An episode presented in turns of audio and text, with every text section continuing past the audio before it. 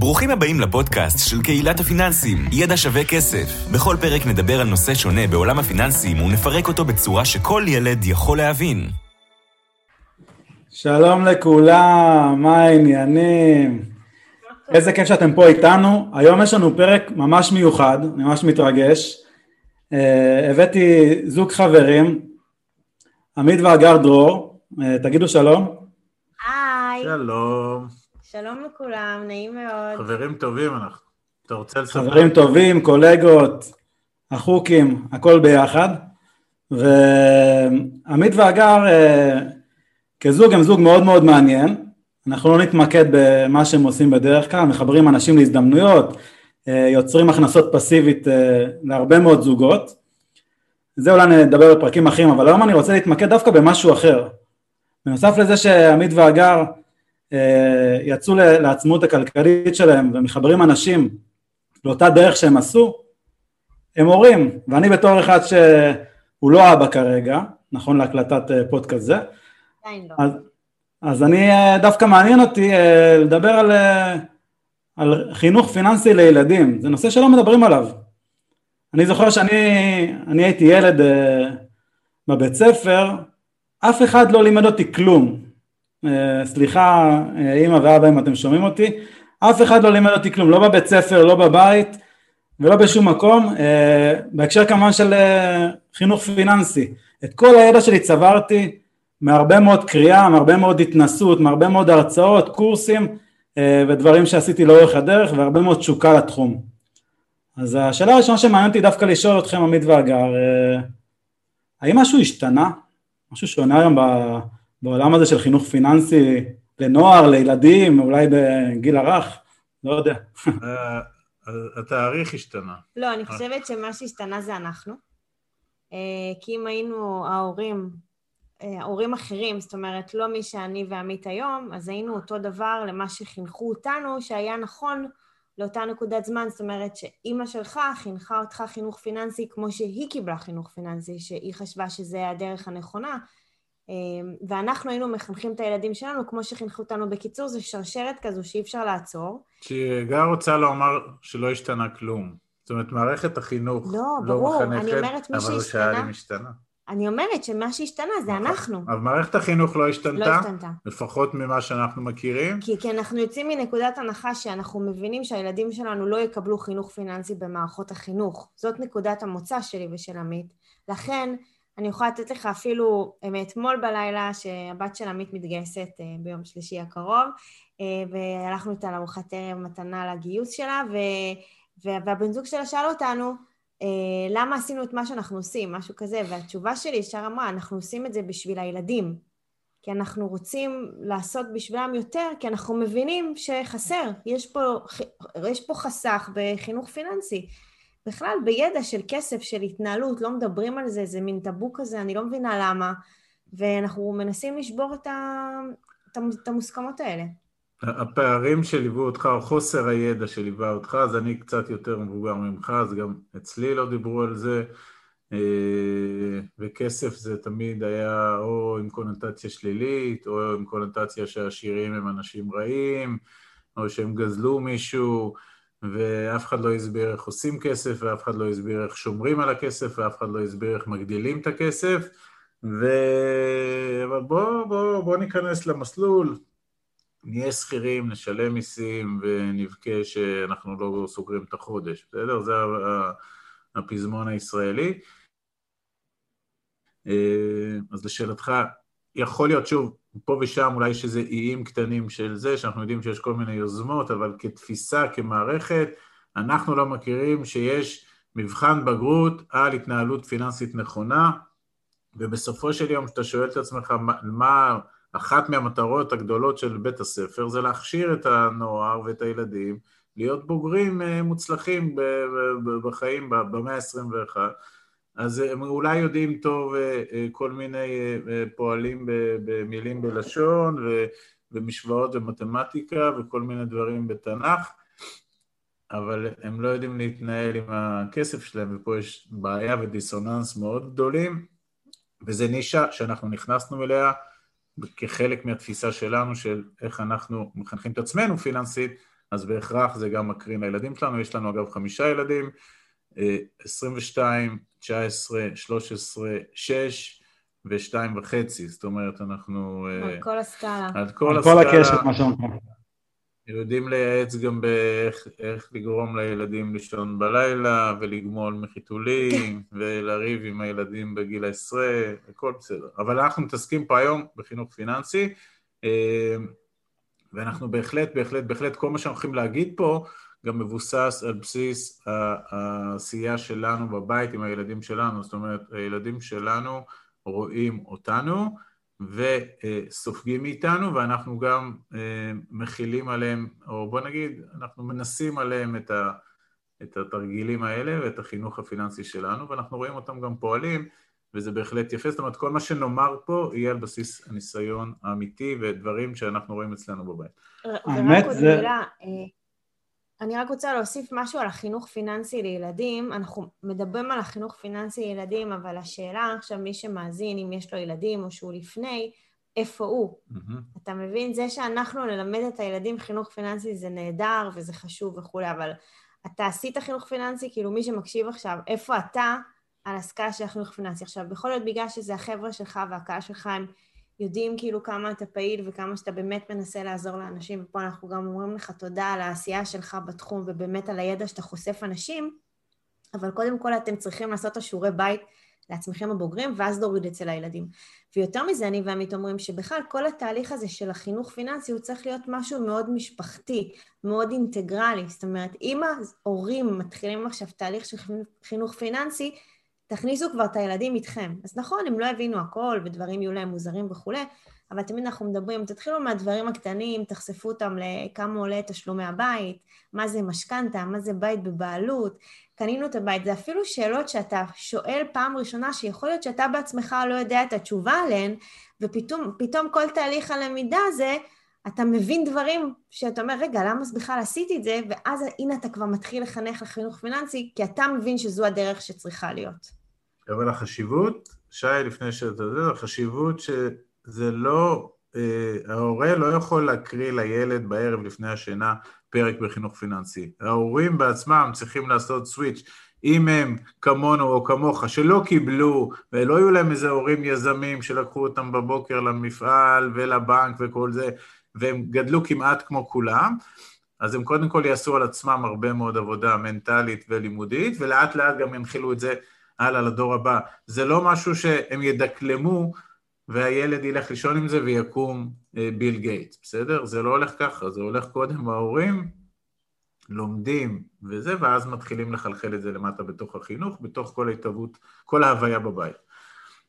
מעולה, אז האמת שאני מאוד מתחבר למה שאתם אומרים, וזה גם ככה קופץ לי לראש, אם נשאל הרבה מאוד מהאנשים, אה, מה, מה הם זוכרים מבית ספר, הם ידעו לדגלם כנראה טוב מאוד את, אה, את הנוסחה של x1, x2, כמה זה שווה הנוסחה הריבועית.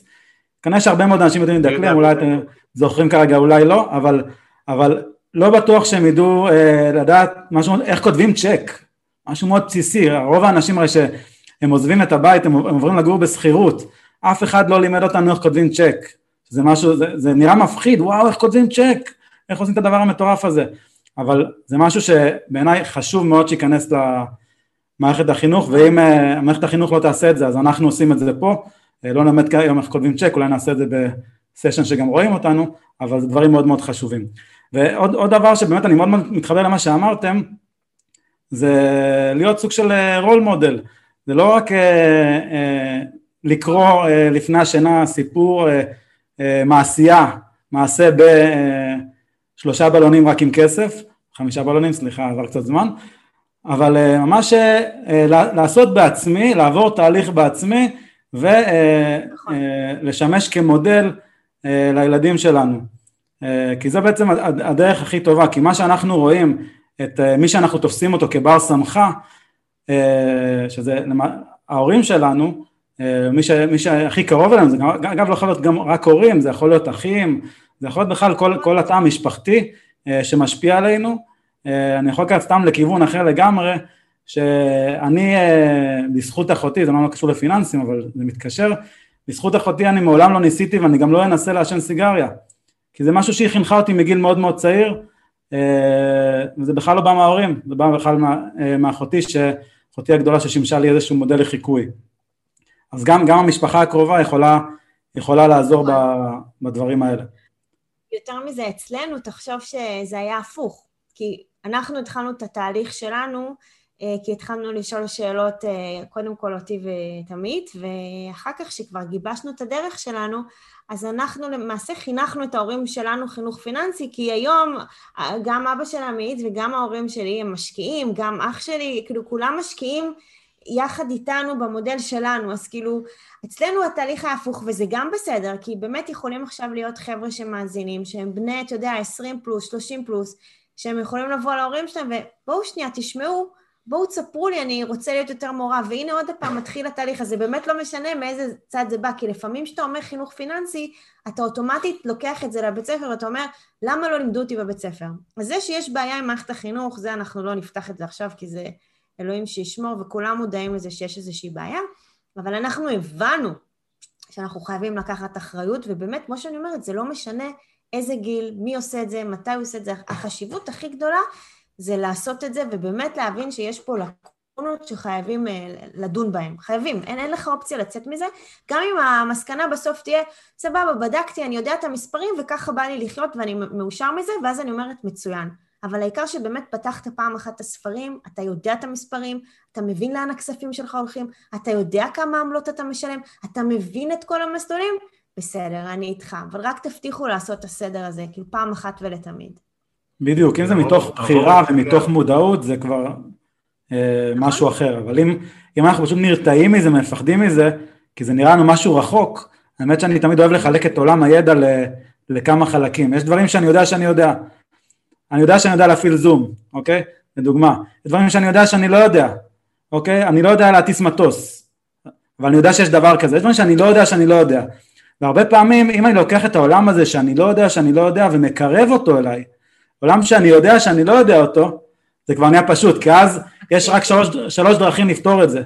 או שאני אה, אה, מתחיל לחקור על זה, או שאני לומד ממישהו שכבר עשה את זה, או שאני עושה איזשהו קורס נכון. שיקדם אותי וייתן לי את הידע לעשות את זה.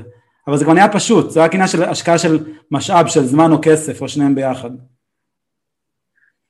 אז קודם כל אנחנו ממש אה, מתחברים לאנלוגיות שלך, אני, אני מוכרח להגיד ש...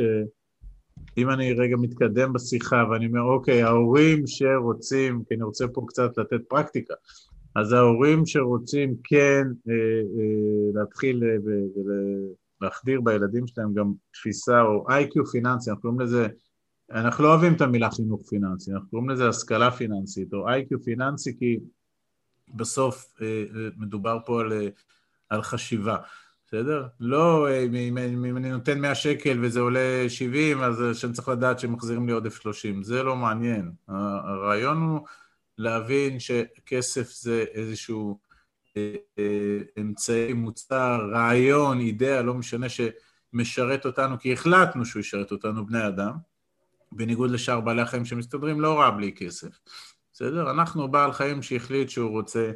כסף, ואמר לנו, זה גם בתוך כללי המשחק שלכם, בתוך העולם, בתוך החיים שלכם, לדבר הזה, לרעיון הזה שנקרא כסף, יש תפקיד מאוד מאוד מאוד חשוב, ואם אני אדבר בכלל על השנת... ה-200 שנים האחרונות, זה הפך להיות תפקיד, אה, אה, מי שאין לו אז הוא, אז הוא יכול למות, אבל לצורך העניין, אם מסתכלים על ההיסטוריה של האנושות, עד, עד, רוב האנושות עד לפני 200-300 שנה יכלה גם, אתה יודע, למשק אוטרקי לאכול את המלפפונים שהיא מגדלת בחצר, ואם באה תרנגולת אז לאכול, כאילו, זה לא, לא באמת היה זה, אבל ככל שהטכנולוגיה והקדמה והחיים שלנו הולכים ומתקדמים ומתייקרים, מי שאין לו את הכסף אז גם אין לו לשלם על הביטוח בריאות ואין לו לקנות אוכל ואין לו לדלק, ובסוף הוא כנראה נפלט.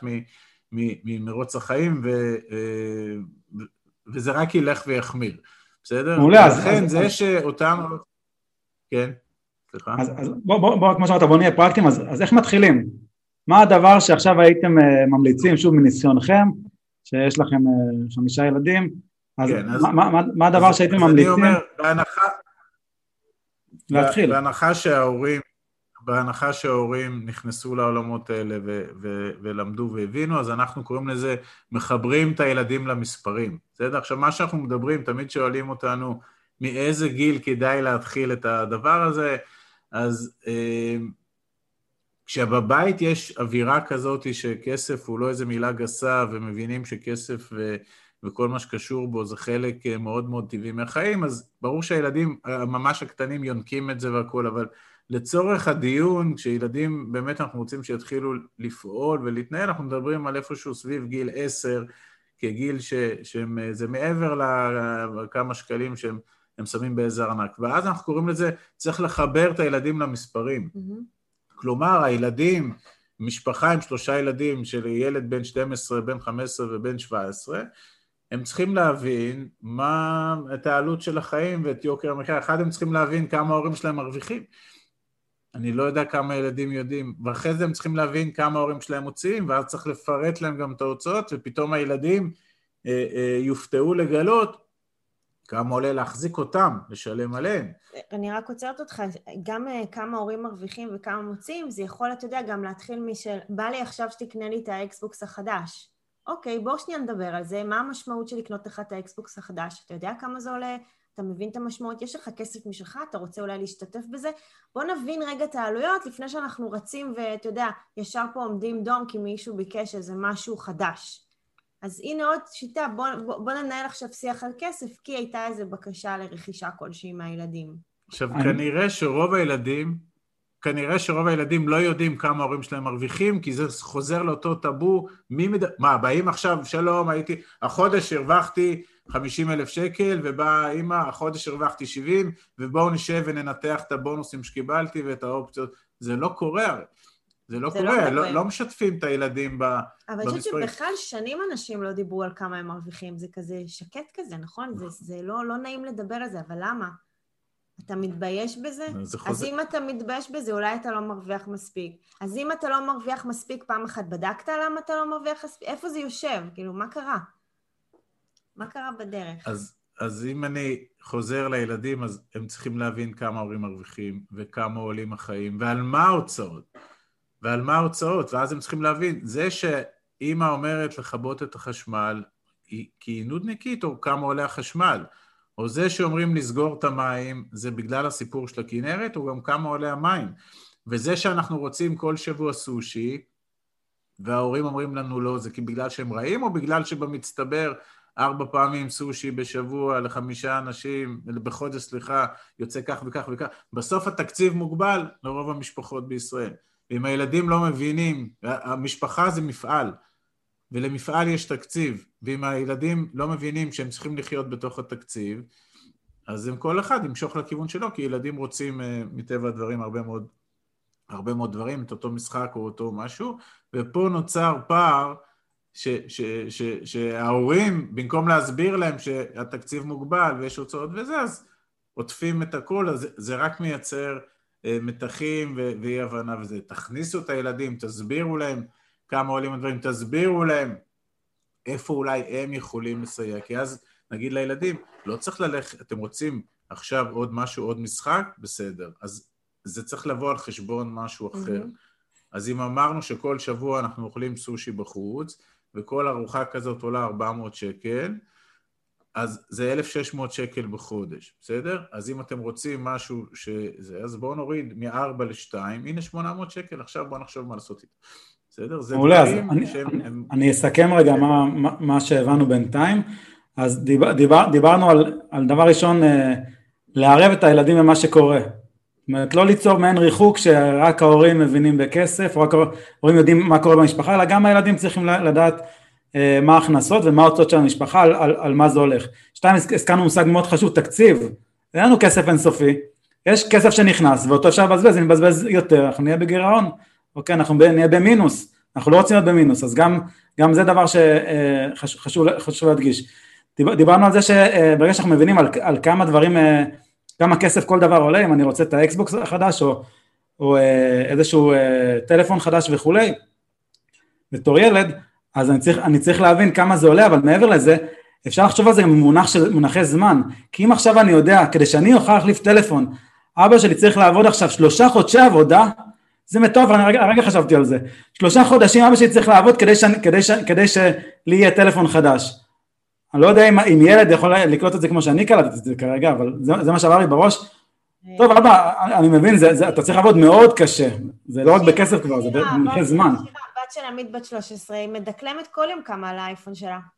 היא מדקלמת, היא זוכרת היום שהיא קנתה אותו, היא יודעת בדיוק כמה הוא עלה לה.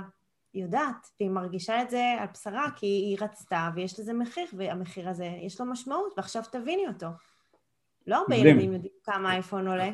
וגם המחיר, היא גם היא נדרשה להשתתף במחיר, כי סך הכל, אתה יודע, באייפונים יש את הכי חדש והכי יקר, ואם את רוצה אותו, בסדר, אין בעיה, אז יש לזה משמעויות. אז קודם כל שלחנו אותה לעשות חקר שוק, ואחרי זה שלחנו אותה לתת לנו הצעות, ואחרי זה אמרנו לה, אוקיי, מתוך ה... לא זוכר כמה זה עלה, אי אלו אלפי שקלים, כמה את חושבת שההורים צריכים לשלם וכמה את? ואז הגענו לאיזשהו משא ומתן והוחלט שגם היא משלמת חלק. ואז מאיפה היא מביאה את הכסף? אז יש כסף שהיא מרוויחה, ואם לא, אז אולי היא תקבל הלוואה מההורים ותחזיר אותו בפרוסות, אז היא גם יודעת מה זה הלוואה, ואם okay. זה אוקיי. הלוואה יש לה גם ריבית, אנחנו ניתן לה כסף בהלוואה עם ריבית, היא צריך להחזיר גם ריבית, והתיקונים, התיקונים תמיד אצלנו יהיו עליה, למה? כי ילדים קיבלו את המכשיר, שנייה אחרי זה הוא נופל על הרצפה, להחליף מסך, אלף שקל, נכון? מעולם, מהרגע שזה עבר אליהם, מעולם לא נשבר המסך. אתה יודע, כשיהיה לך ילד, תפיל את זה עליו. כי עד שזה לא היה עליהם, כל שבוע הייתי הולך לתקן להם את המסך. אז זה באמת אם עושים רגע זום, אבל אני הולך שנייה אחורה, כי אחרי שסיפרנו לילדים כמה הורים מרוויחים, היינו מכניסים אותם פנימה, בואו תראו את התלוש, תראו מה זה המילה הזאת, ואז נפתח, עכשיו רוב ההורים באחריות אני אומר, כנראה לא יודעים מה כתוב אצלם בתלוש. אבל בואו תראו לילדים... אני יודע מניסיון אישי, אנשים שאני פוגש, שואלים אותי מאיפה להביא את המידע שאני מבקש, אני אומר מהתלוש שכר. וואלה, כן. לא יודע מה זה התלוש שכר. לא פתחתי אותו. אז בואו תראו לילדים את הפער בין נטו, בין ברוטו לנטו, ותסבירו להם את המושגים, ומה זה מס הכנסה, ומה זה ביטוח לאומי, ומה זה חוק בריאות ממלכתי, ומה זה ומה זה, ומה, ו, ו, וכל הדברים האלה, ומה זה ההפרשה הזאת, ומה זה ההפרשה הזאת. ו, ופה כבר, מבחינתנו זה צעד גם כן מאוד מאוד חשוב כדי להבין, כי בסוף כשאתה אומר לילדים, תקשיבו, ההורים מרוויחים כל חודש 30 אלף שקל נטו, אבל הם בעצם מרוויחים 60 אלף, צריך להגיד להם, ההורים מרוויחים 60, אבל יש לנו שותפים שלוקחים חצי. ואז הם, רגע, מי זה הנבלות האלה שלוקחים לנו חצי? אז אתה אומר, זה המדינה, וזה ביטוח לאומי, וזה מע"מ, וזה חוק אה, בריאות ממלכתי, וכל זה נועד ל... אז פה כבר אפשר להכניס אותם, אוקיי, זה, מזה בונים את תקציב המדינה, מהמיסים שאנחנו משלמים. קיצר, אפשר לדבר פה על המון המון דברים, ולשלוח אותם גם ללמוד את זה. אה, מה זה ביטוח לאומי? לכו תלמדו, מה זה ביטוח לאומי? אה, מה זה מס הכנסה? לכו תלמדו, מה זה מס הכנסה? שלח אותם במשימה בגוגל, שלח אותם, תביאו לי מוויקיפדיה, תחזרו, תספרו לי מה זה ביטוח לאומי. ומה יקרה איתו? אה, אבא, איזה יופי, יש ביטוח לאומי, אז כשנפרוש לפנסיה אפשר לשכב על ההרסה? לא, ממי. ביטוח לאומי כשאתה תפרוש לפנסיה כנראה כבר לא יהיה, אבל אנחנו מפרישים. אבל נכון, אבל עובדים עליהם. לא חשוב, כל הדברים האלה, הילדים צריכים להתחיל אה, אה, להתחבר אליהם ולהבין בפנים גם את, ה, את הדברים. זה זה ברמה הראשונה, ברמה השנייה הם צריכים להתחיל להבין גם את המונחים. מה זה הלוואה, מה זה ריבית, מה זה ריבית דריבית, שלכסף יש, יש משקל, יש ערך, יש... כסף זה לא... מה זה, גם מה זה משכנתה, מה זה הבית הזה שאנחנו גרים עליו, מה זה ארנונה, מה זה התשלומים, מה החובות, הם חייבים לדעת את זה, כי בסוף הם הולכים לצבא, הם משתחררים מהצבא, נגיד הם טסו לחו"ל, סבבה, הכל בסדר, הם חזרו, ואז הם כאילו בראש שלהם הולכים להשכיר דירה עכשיו. נו, אתם יודעים שיש תשלומים, אתם מבינים את המשמעות? כאילו אנחנו, אז, אז סבבה, אז גם לא יודעים, אם הם לא יודעים לחתום על הצ'ק, הם גם לא יבינו את המשמעות של כל הדברים שהם צריכים לשלם ביום שאחרי. כן. כן. אה, האמת, אה, אה, תוך כדי שעמית דיברת, זה גרם לי לחשוב, אמרת לשלוח את הילדים לבדוק כל מיני דברים בגוגל. אז קודם כל זה מעולה, כי אין מה לעשות, הדור הצעיר היום, אה, כמה שאנחנו טכנולוגים, תמיד יהיה יותר טכנולוגים מאיתנו, בזה אנחנו לא, לא נצליח לנצח, והם יודעים להשיג את המידע יותר מהר מאיתנו, אבל בעצם זה שאנחנו שולחים אותם ל, אה, ללמוד את הדברים, יכול להיות שאנחנו בעצמנו לא יודעים חלק מהדברים, ואנחנו אנחנו יכולים גם ללמד את עצמנו את המונח של מינוף, מינוף אבל בהקשר של זמן, כי הם, הם למעשה הולכים ללמוד את הדברים והם יסבירו לנו גם, אז גם אנחנו לומדים מהתהליך הזה, וגם אנחנו משפרים כמו שאמרנו את ה-IQ הפיננסי שלנו, שזה, שזה מעולה, אז... נכון. אני הכי אוהבת בשלב הזה שאנחנו מתחילים לדבר עם הילדים את השאלות, כי בדיוק פה הם מאתגרים אותך, כי הם מפתיעים אותך עם השאלות שלהם, כי התמימות והחוסר ידע, איך שלא תסתכל על זה, יוצר, לו, זה גורם להם להוציא שאלות שלאו דווקא היית מוכן אליהן, אוקיי? שאנחנו יושבים עם הבנות ומדברים ומספרים וכולי, הם מפתיעים אותנו עם השאלות ואנחנו כזה, אוקיי, זה טוב, טוב אה, ששאלתם. היה לנו שיחה איתם לא מזמן. אגב, כל מה שאנחנו אומרים על לחבר למספרים, וזה צריך להבין, זה לא איזה אירוע חד פעמי באיזה ארוחת שישי, עושים עכשיו טקס, זה צריך להיות חלק מהשגרה. זה, מה, איך היה בבית ספר, איך היה פה, ו, וגם כל הזמן מדברים על הדברים האלה, לא מתוך הבנה שזה מלווה אותנו. אז באחד הסשנים שהיו לנו עם הבנות, אז הם פתאום, הסברנו להם על מס הכנסה, ואמרנו להם, המס במדינת ישראל, איך שאתה לא תהפוך אותו, הוא בערך 50 אחוז, אז הם אמרו, רגע, רגע, אתה רוצה להגיד לי שמינואר עד יוני אתה עובד בחינם? הם ראו את זה ככה. ומיולי עד דצמבר אתה, אז, אז כאילו חצי שנה, אז אה, אמרתי, כן, כן, אפשר לראות את זה ככה, נכון, אם אתם הולכים והופכים את זה, אז יש חצי שנה שאנחנו עובדים בחינם. לא בחינם, כי צריך להחזיק צבא, ולסלול כבישים, ומערכת בריאות, ולקנות מזרקים לקורונה, וכל הזה, זה מישהו צריך לעשות, אבל אתם צריכים להבין, אפשר לדון על גובה המס, כי יש מדינות שהמס הוא לא כזה, אבל הדברים האלה הם מאוד מאוד חשובים. אני ברשותך אעשה רגע זום אין לתוך סיפור של, של, של הדמי כיס, בסדר? מולה. כי זה סוגיה שהוא גם בטח ההורים שלך נתנו לך דמי כיס, נכון שי? כן. יופי. ומה היה קורה? פעם בשבוע נותנים לך דמי כיס?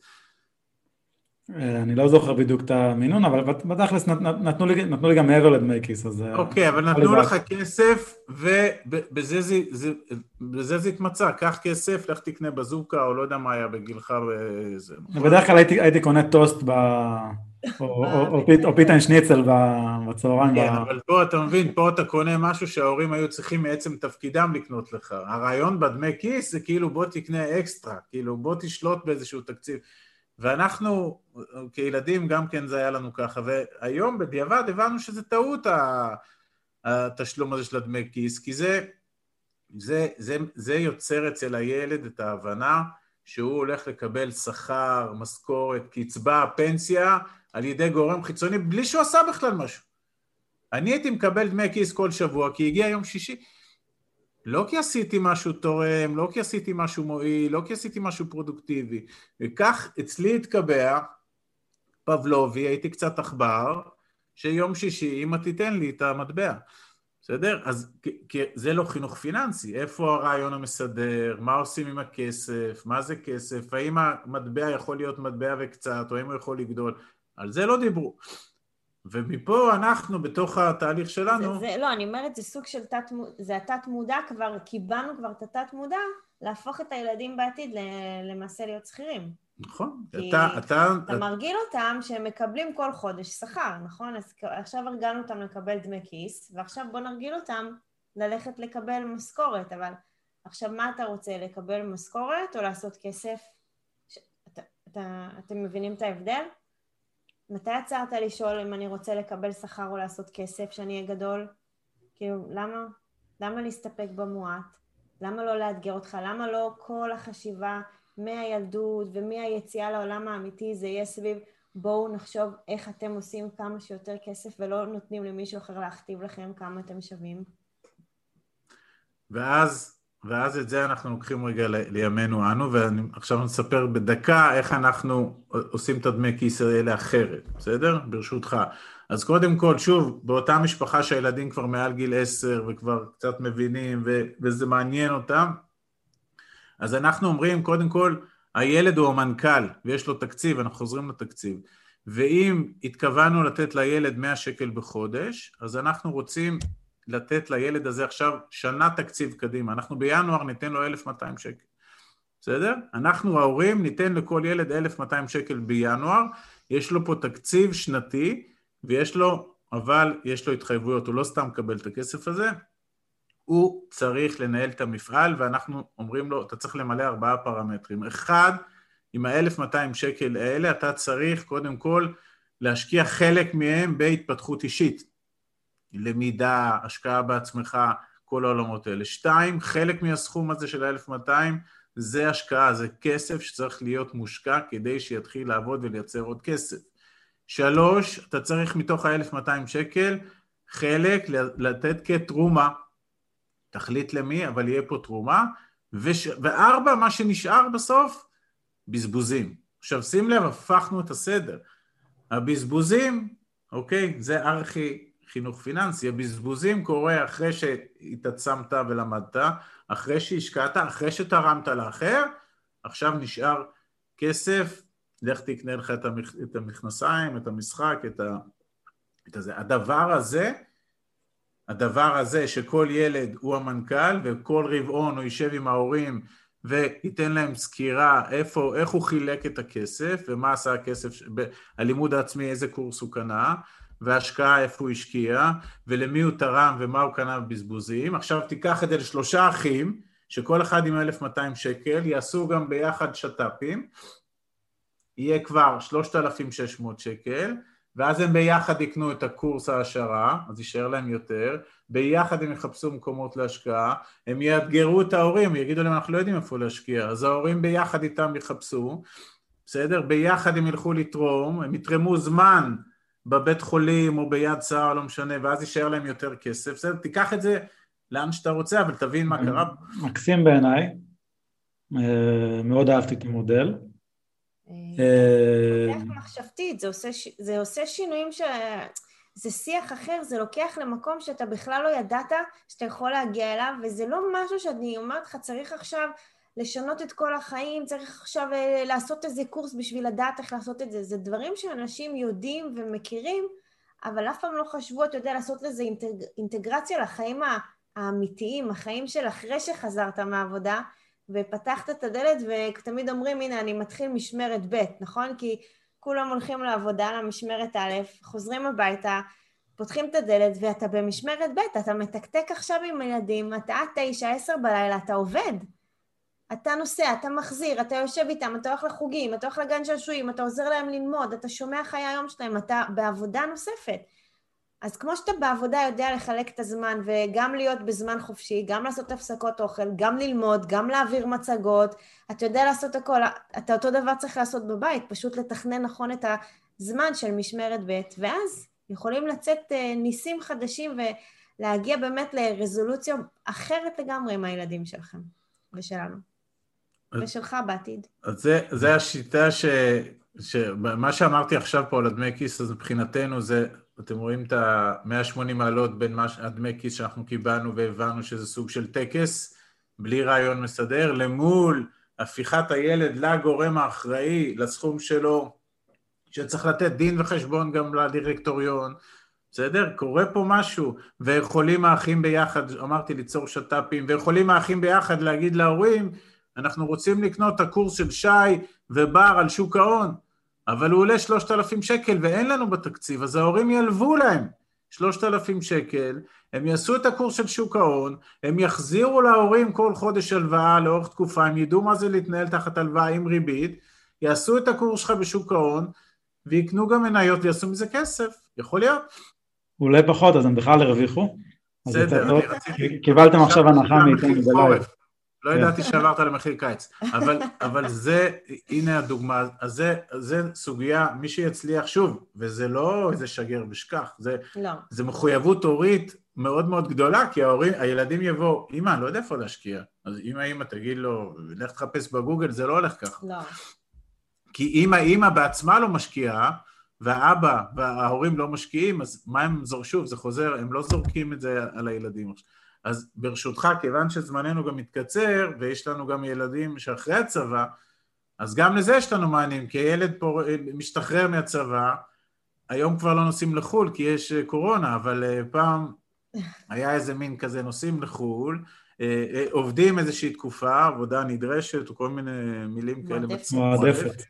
כל מיני קשקושים כאלה, ואז לוקחים, מבזבזים את כל הכסף הזה, נוסעים להיזרק איפשהו, חוזרים הביתה ולא משנה, מתחילים את, ה, את ה... זה. אנחנו טוענים שהילד בכלל, אם הוא התחיל את החינוך הפיננסי שלו לפני הצבא, אז הוא כנראה ימשיך איתו. כלומר, הוא ידע את המשמעות של החיסכון וההשקעה וכל זה, אבל גם הילדים שאחרי הצבא, שעכשיו יוצאים לשוק העבודה ומרוויחים סכומים לא מבוטלים בכלל ועדיין גרים אצל ההורים, נוצר להם עודף תקציבי. Mm-hmm. אז בואו נלמד אותם ונסביר להם איך כבר עכשיו, שילמדו לחיות עם הרבה פחות ממה שהם מרוויחים, הרבה פחות ממה שהם מרוויחים, ידעו למנף נכון ולהשקיע נכון את העודף, ולאורך שנים אנחנו יודעים להראות להם איך הם מייצרים פה הרבה מאוד... אנחנו גם קוראים לזה מס הכנסה אישי. אתה, אתה מבין? בוא רגע נחשוב איך אנחנו, אנחנו מתחייבים לשלם מס הכנסה לעצמנו. מתחייבים. לפני המדינה. אחרי שהמדינה לקחה, רגע, אני, אנחנו אומרים לאנשים, אם אין לנו בעיה שהמדינה תיקח לנו 50% מהכסף שאנחנו מרוויחים, אז למה אנחנו לא יכולים להפריש לעצמנו מס הכנסה אישי? כלומר, אם בסוף בנטו נשאר 6,000 שקל, 10,000, לא משנה, אז למה מתוך הסכום הזה אי אפשר להחליט שיש פה סכום שהוא צבוע לא לחיים השוטפים, אלא להתעצמות? הרי למדינה, אתה לא מתווכח עם המדינה, נכון? היא רצתה 50 אחוז. אז לעצמך אתה לא יכול לצבוע 20, 30, 40 אחוז שילכו לבניית ההון הפיננסי שלך עוד 10, 15, 20 שנה? למה לא? אז לגמרי, אני תמיד אומר שאת הכסף הראשון, אני גם, גם אוהב לקרוא לזה לצבוע את הכסף, הכסף הראשון, קודם כל אנחנו נשים לעצמנו. כי אם אנחנו נחכה לסוף החודש, בסוף לא יישאר, זה מה שקורה, מי שרוצה להשקיע בסוף החודש, א' הוא הפסיד תשואה של חודש, פראייר, אבל מעבר לזה שהוא הפסיד תשואה של חודש, לא, לא, לא יישאר לו ויישאר לו פחות אז זה מקסים בעיניי מס הכנסה אישי, אהבתי את האנלוגיה, אולי אני אאמץ בהמשך. בגלל זה גם שמנו את הבזבוזים בדמי כיס באחרון. אתם תבזבזו רק אחרי שלמדתם, רק אחרי שהשקעתם, רק אחרי שתרמתם. נשאר, תבזבזו, לא נשאר, אכלתם אותה. תלמדו להתנהל אחרת. קיצור, אז מה שאנחנו אומרים, המעטפת היא מינקות ועד בגיל העשרה הם צריכים לחוות, ואחרי הצבא כשמתחילים לעבוד, צריך לדעת מה קורה עם הכסף הזה. כן. ואם ההורים לא פה בשביל לעזור, כשההורים משקיעים, אז יבואו איתנו הילדים לפגישות של השקעה. וההורים מספרים גם איך מתקדמות ההשקעות, ואיפה הצלחנו יותר, ואיפה הצלחנו פחות, ולמה אנחנו משקיעים עם זה ולא עם זה, ואיפה הסיכונים ואיפה הסיכויים, ולוקחים את הילדים שישקיעו גם.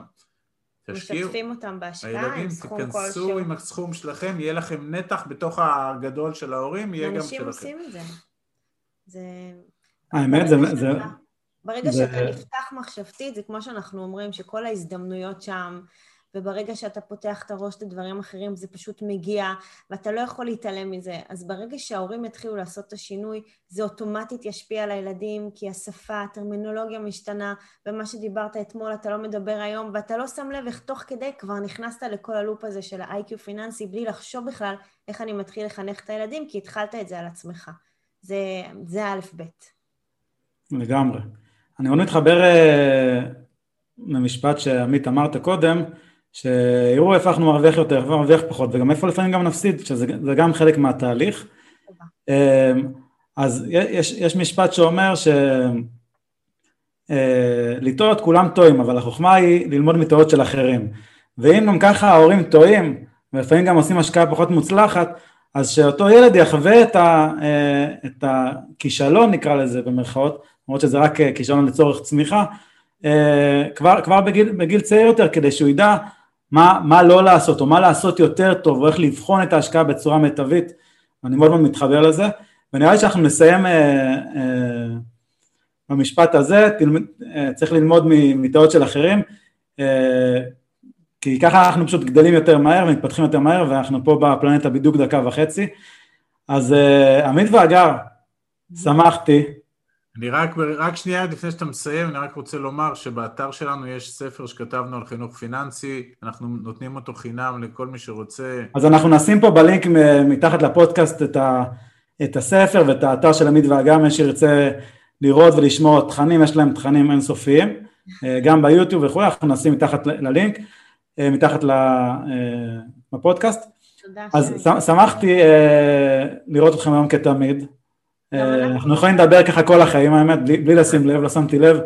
אמרתי איך, איך נצליח להחזיק ככה את הפודקאסט אפילו בלי להתכונן, לא צריך להתכונן כי פשוט זה כל כך טבעי ומושרש בנו. ובטוח אנחנו נעשה עוד פרק, כי היה מאוד מעניין, לפחות לי. אהבה, אהבה. אז תודה רבה לכם על הזמן. תודה לך. תודה, שי, שאירחת אותנו. והקהילה שלך מדהימה, מדהימה. באמת, כל הכבוד אפילו על העשייה שלכם. כתבנו עליך בדה-מרקר בטור שלנו. נכון. ואני חייבת לומר שמלא אנשים זיהו אותך וכתבו נכון. לנו, נכון זה שי בדיחי, אמרנו שי בדיחי המלך. כן. תודה רבה, תודה רבה, אני מסמיק פה מי שלא רואה מאחורי המיקרופון. כולי אדום, אני בדרך כלל אה, לא בחור לבן. ודבר אחרון, אז אה, כל מי שבמקרה נתקל בפרק הזה פעם ראשונה, יש עוד המון המון פרקים אחורה ויש עוד המון פרקים קדימה שעוד לא ראיתם כי הם יהיו בהמשך. גם כמובן יהיה עוד פרק עם עמית ואגר, זה בטוח. אתם יכולים למצוא אותנו בקבוצת פייסבוק שלנו, ידע שווה כסף, רווח מקף רווח לי זול ליותר, באתר שלנו, אה, ידע מקף כסף co.il, בטלגרם, אה, ביוטיוב, פשוט תעשו ידע שווה כסף בגוגל, ומשם כבר תסתדרו. אז תודה רבה לכם, ונתראה בפרקים הבאים. ביי, תודה שי. ביי. תודה. להתראות.